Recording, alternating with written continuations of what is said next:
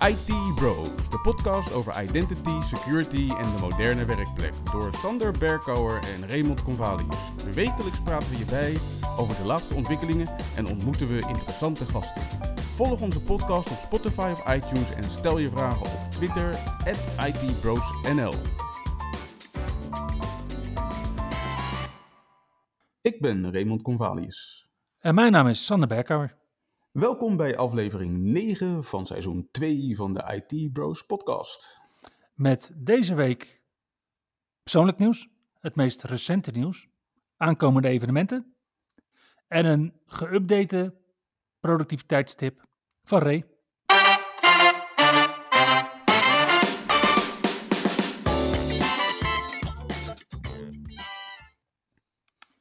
Ja, want het is eh, persoonlijk sinds deze week.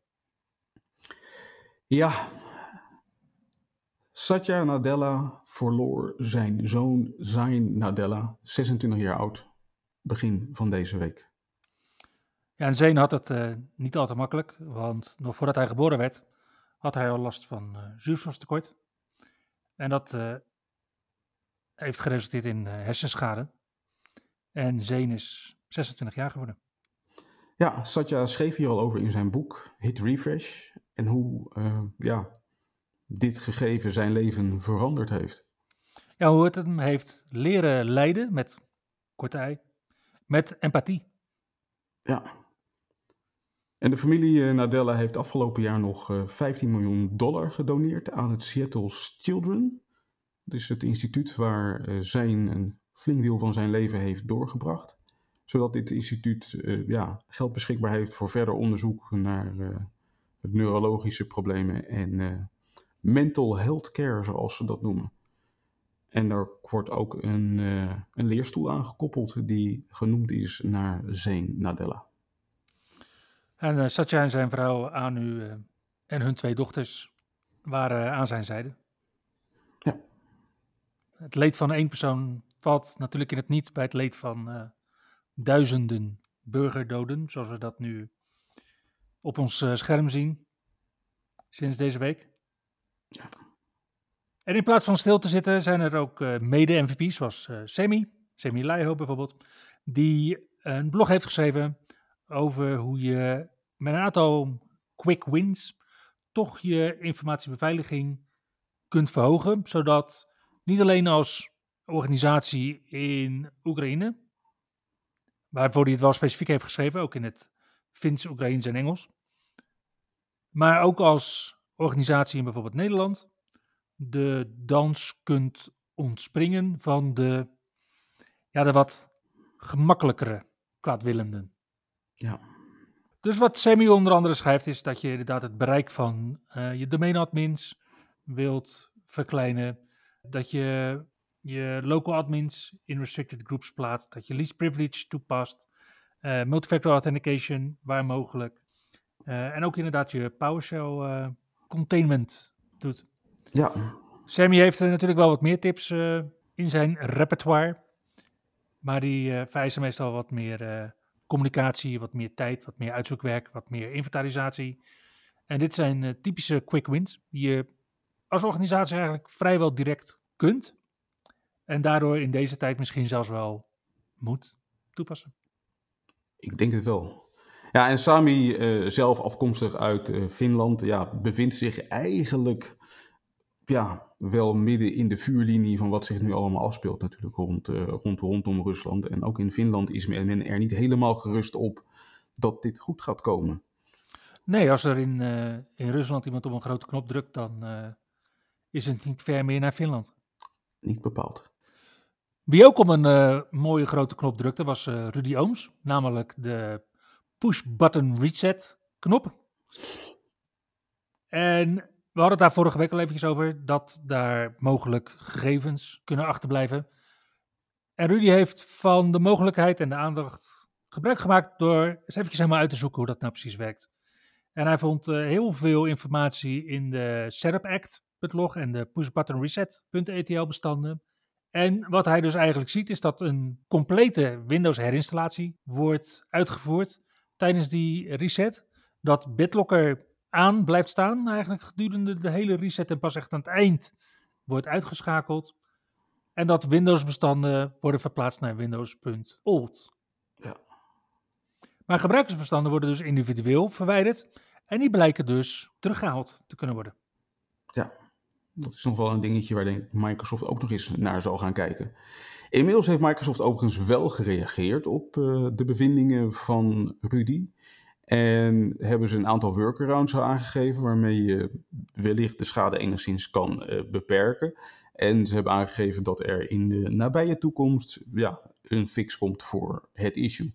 Ja, en als we het dan over fixes voor issues hebben, dan kunnen we natuurlijk ook eh, niet om decentralized identities, DID's en verifiable credentials, zoals ze dan in het woordenboek van Microsoft heten, heen. En hier hadden we het, eh, nou, zes weken na zo'n beetje een jaar geleden over met Matthijs Hoekstra. Mhm. En John Craddock is daar nu een serie over aan het schrijven, ondertussen alweer eh, vier blogposts eh, breed. Mhm. En onder andere Matthijs Hoekstra helpt hem daarbij en andere leden van het Identity Team. En in het vierde deel, wat nu net gepubliceerd is, geeft John aan hoe je je eigen verifiable credential met SJD kunt maken. Ja, dus eh, als ik binnenkort een weekendje wat tijd heb, ga ik eens even lekker aan de slag. Hmm. Maar het is dan waarschijnlijk pas nadat je de laatste nieuwe versie van Windows 11 hebt geïnstalleerd. Uiteraard. En daar was het deze week ook weer tijd voor. Namelijk Windows Insider Build 22567 kwam uit in de Developer Channel. Deze keer zaten er diverse fixes in voor de taskbar. Want de taskbar bleek niet helemaal stabiel te zijn. En daar kwam ik deze week ook nog achter toen hij mij even kortstondig verdween. En daarnaast ja, heeft Microsoft uiteraard weer wat nieuwe functionaliteit geïntroduceerd. Onder andere eh, ten aanzien van de energiezuinigheid van Windows 11. Dus Windows 11 heeft nu een functie ingebouwd waarin er rekening wordt gehouden met het beschikbaar zijn van schone energie, zoals windenergie of zonne-energie, om op die momenten in de achtergrond updates te installeren. Verder zit er in de nieuwe versie van Windows 11 functionaliteit ingebouwd om Microsoft 365 abonnementen te beheren vanuit je Windows settings. Daarnaast is het nu mogelijk om vanuit de out-of-the-box experience je Android-phone te linken aan je Windows-installatie, zodat je alles wat je op je telefoon doet kan uh, volgen op je PC. En er is een nieuwe security feature geïntroduceerd, te weten Smart App Control. En die Smart App Control die zal in eerste instantie in evaluatiemode draaien. En wat hij dan doet, is dat hij probeert te achterhalen in hoeverre je gebruik maakt van risicovolle applicaties. En als tijdens die evaluatieperiode blijkt dat jij eigenlijk nooit risicovolle applicaties draait, dan gaat na de evaluatieperiode gaat uh, Smart App Control dus uit die evaluatiemodus en gaat hij ervoor zorgen dat risicovolle applicaties gewoon niet kunnen worden gestart op je PC. Daarnaast heeft Windows 11 een nieuwe dialoogbox voor OpenWidth in de Fluid Design. En deze week heb ik eindelijk de nieuwe user interface voor de Task Manager op mijn installatie mogen aanschouwen. Nice. Maar die was al een tijdje. Maar jij hebt hem nu ook in deze beeld. Inderdaad, ik heb hem nu ook. Overigens geldt ook voor een aantal van die andere features, bijvoorbeeld het uh, subscription management voor Microsoft 365, dat dat geleidelijk wordt geïntroduceerd. Dus als jij de laatste beeld hebt geïnstalleerd, wil dat niet per se zeggen dat jij ook die optie beschikbaar hebt. En uiteraard, ik heb hem dus ook nog niet. Verder is Microsoft bezig om vernieuwingen door te voeren in de App Store, waarbij je op dit moment in de App Store online, dus als je gaat naar apps.microsoft.com, getrakteerd wordt op de nieuwe user interface in de Windows 11 Design Language.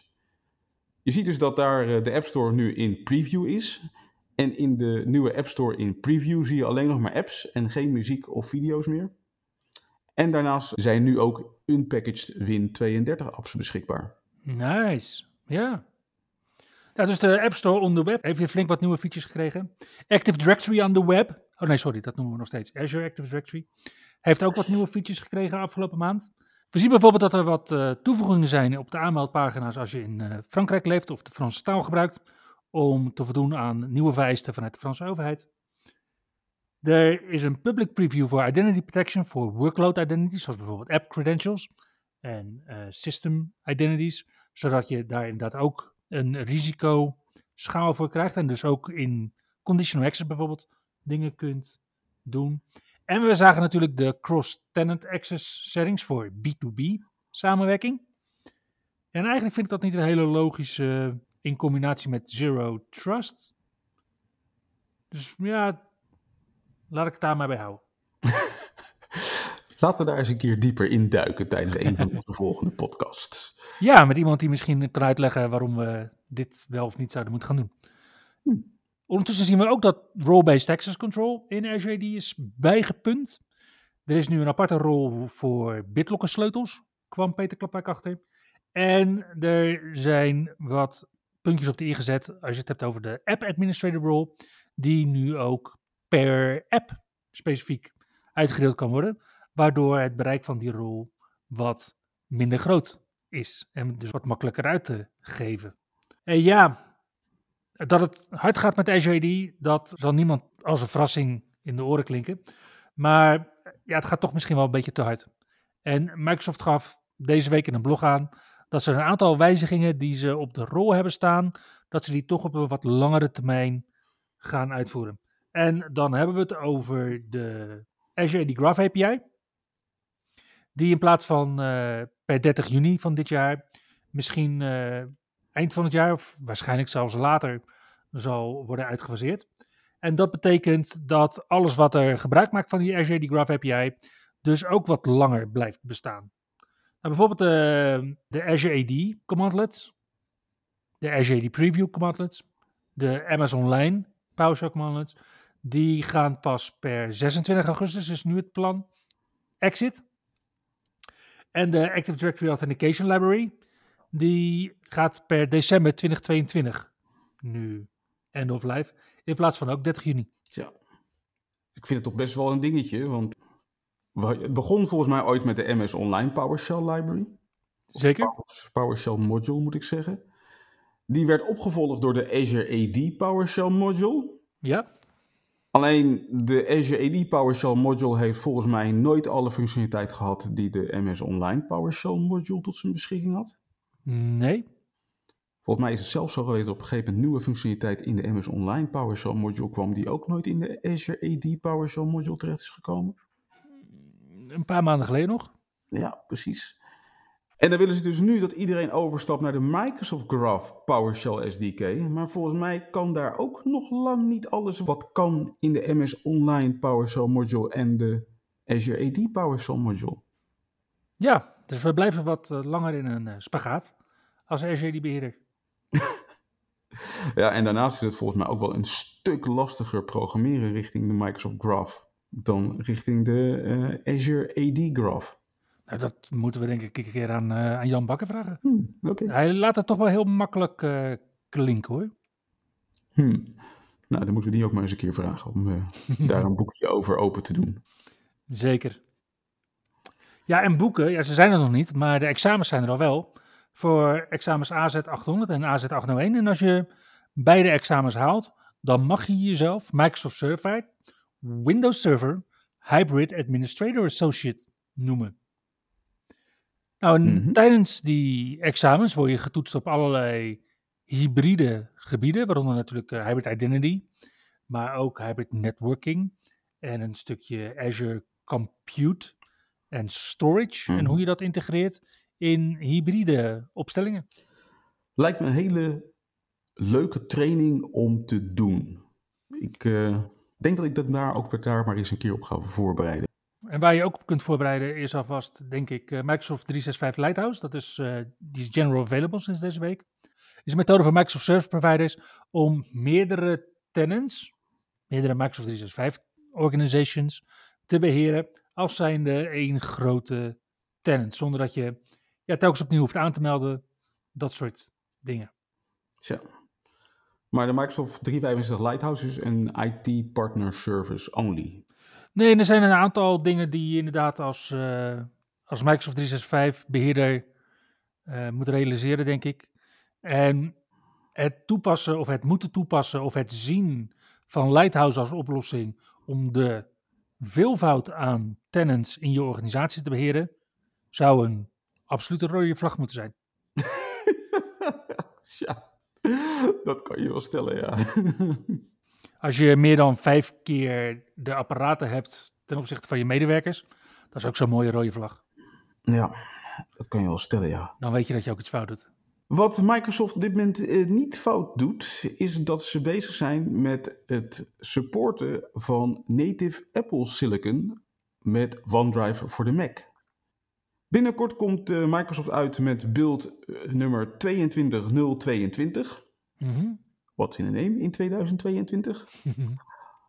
En met die nieuwe build gaan ze dus eh, ja, de nieuwe processoren van Apple eindelijk native ondersteunen. Inclusief non-folder move, oftewel PC backup. Zodat je dus eh, ja, alle functionaliteit die je nu op Windows hebt, zo ongeveer ook op je Apple terug kan zien. Met redelijke snelheid. Daarnaast is Apple eh, druk bezig met eh, de volgende versie van iOS en eh, eh, iPad OS, namelijk versie 15.4.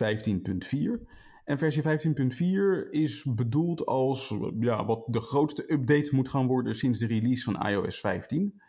In iOS 15.4 moeten we onder andere Tap to Pay terug gaan zien. Dus dat is een Mhm. functie die we een paar weken terug al even hebben besproken. Dus concurrentie voor ja, betaalterminals. Verder gaat eh, iOS 15.4 Face ID met Face Mask ondersteunen.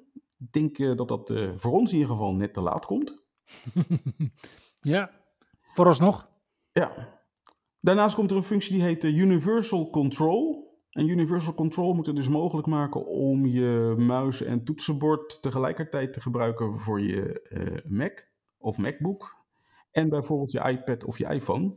Hey, maar het allerbelangrijkste is natuurlijk van ja, hoe gaan we nou mensen aan iOS 15.4 eh, helpen? Deze release heeft toch ook wel nieuwe emojis, eh, mag ik hopen? Ja, ja, uiteraard. Oké. 37 nieuwe emojis worden er eh, geïntroduceerd met iOS 15.4. Kijk, dan kan ik mensen gaan overtuigen.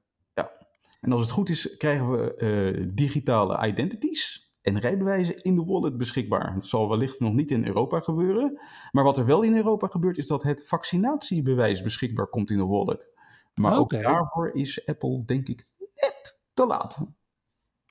Nou, ja, boze tongen beweren dat het EU-vaccinatiebewijs natuurlijk een opmaat is naar digitale identiteiten en dat soort dingen.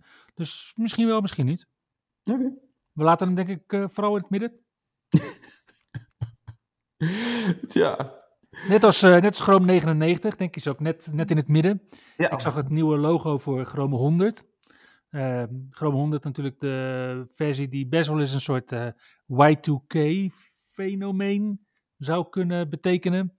Voor eh, allerlei plugin en add-on bouwers eh, richting, richting Google Chrome. En richting websites, ja.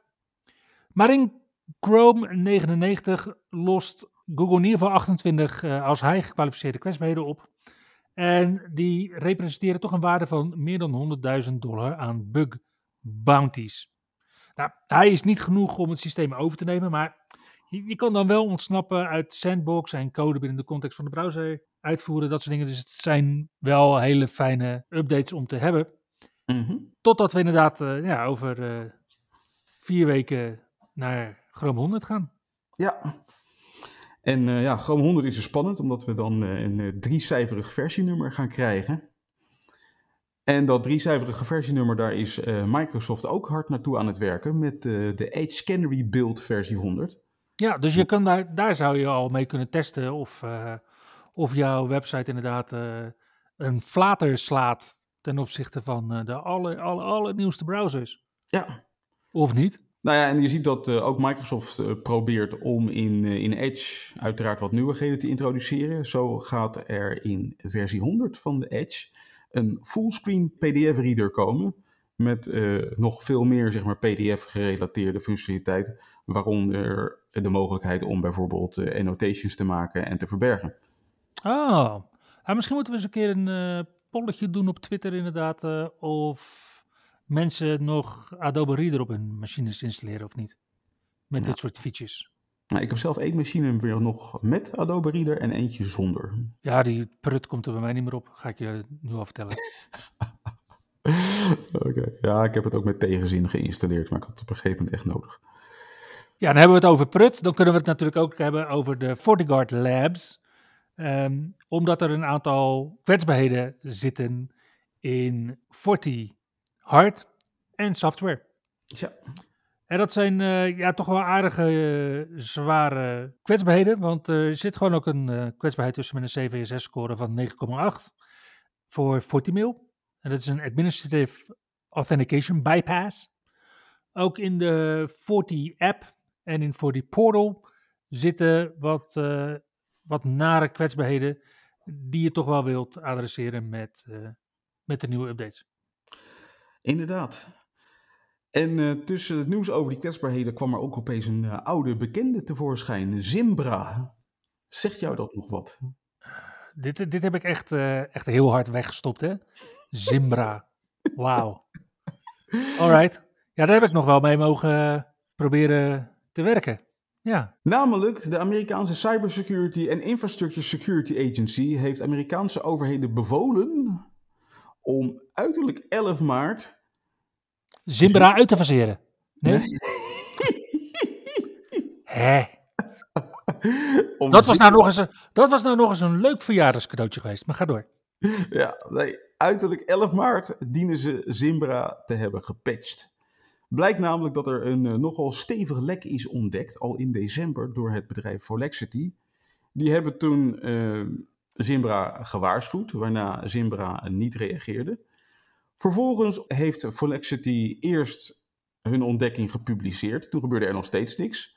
En vervolgens bleek dat dit lek sinds 3 februari actief werd aangevallen. Toen was er wel een, ineens, in twee dagen, ineens een patch. Inderdaad, op 5 februari kwam Zimbra met een hotfix en de definitieve patch moet nog volgen. Maar er is dus nu in ieder geval iets en dat iets moeten de Amerikaanse overheden voor 11 maart hebben geïnstalleerd. En we leven nu 4 maart. Dus over een week moet iets zijn geïnstalleerd wat nu nog niet door Zimbra is uitgebracht. Inderdaad. Ah, dat is, eh dat is Zimbra logica voor onze luisteraars. Ja, ja, ja. Ja, er gingen ook al de tijd geruchten dat Nvidia zou zijn gehackt. En inmiddels heeft eh, Nvidia eh, aangegeven dat er inderdaad eh, personeelsgegevens en inloggegevens zijn gestolen. De hack is opgeëist door de hackersgroep Lepsus, inderdaad. En die beweren dat ze onder andere 1 terabyte aan data hebben gestolen. Een deel van die data is inmiddels gepubliceerd. En het gerucht gaat dat Nvidia, nadat ze door hadden dat ze gehackt werden, de hackers vervolgens terug hebben gehackt. En mogelijk hebben ze daarmee voor zichzelf de schade weten te beperken, want ze waren vrij snel in staat om hun gegevens te herstellen, die eh, daarvoor toch wel geëncrypt waren door de ransomware. Ja, ethisch misschien niet eh, heel verantwoord, maar wel uiterst effectief. Net als de Conti leaks, waar we sinds deze week van mogen genieten. Maar waar we volgende week veel meer over weten.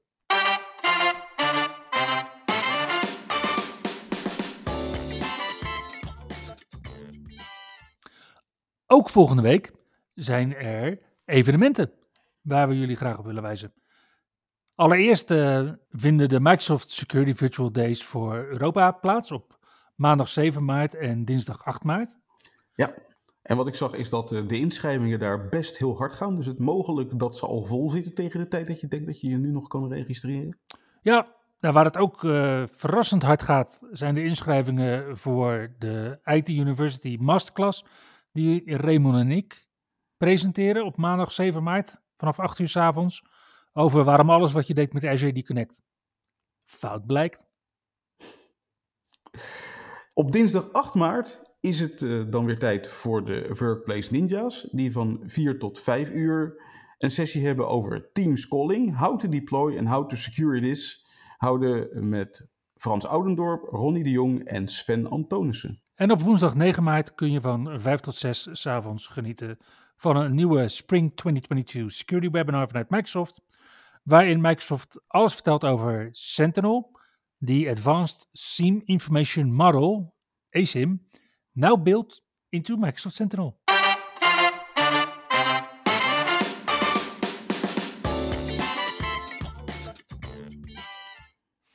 Hey Ray, wat is de productiviteitstip van deze week?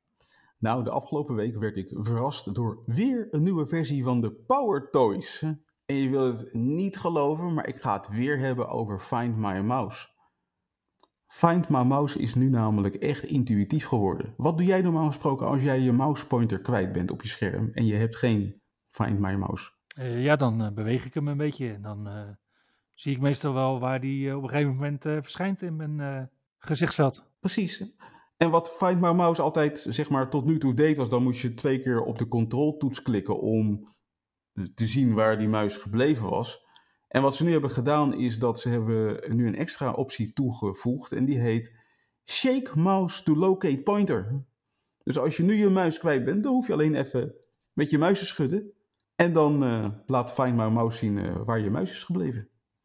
Een nieuwe feature voor PowerToys versie 0.56.1. Dus als je nog niet hebt geïnstalleerd, the time has come.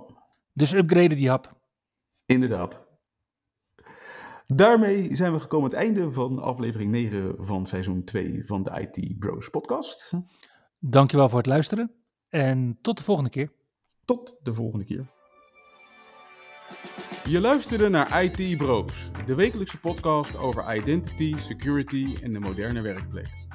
Abonneer je op Spotify, iTunes of Google Podcast als je de volgende aflevering niet wilt missen. Heb je hints of tips? Laat dan van je horen op Twitter. ITBrosNL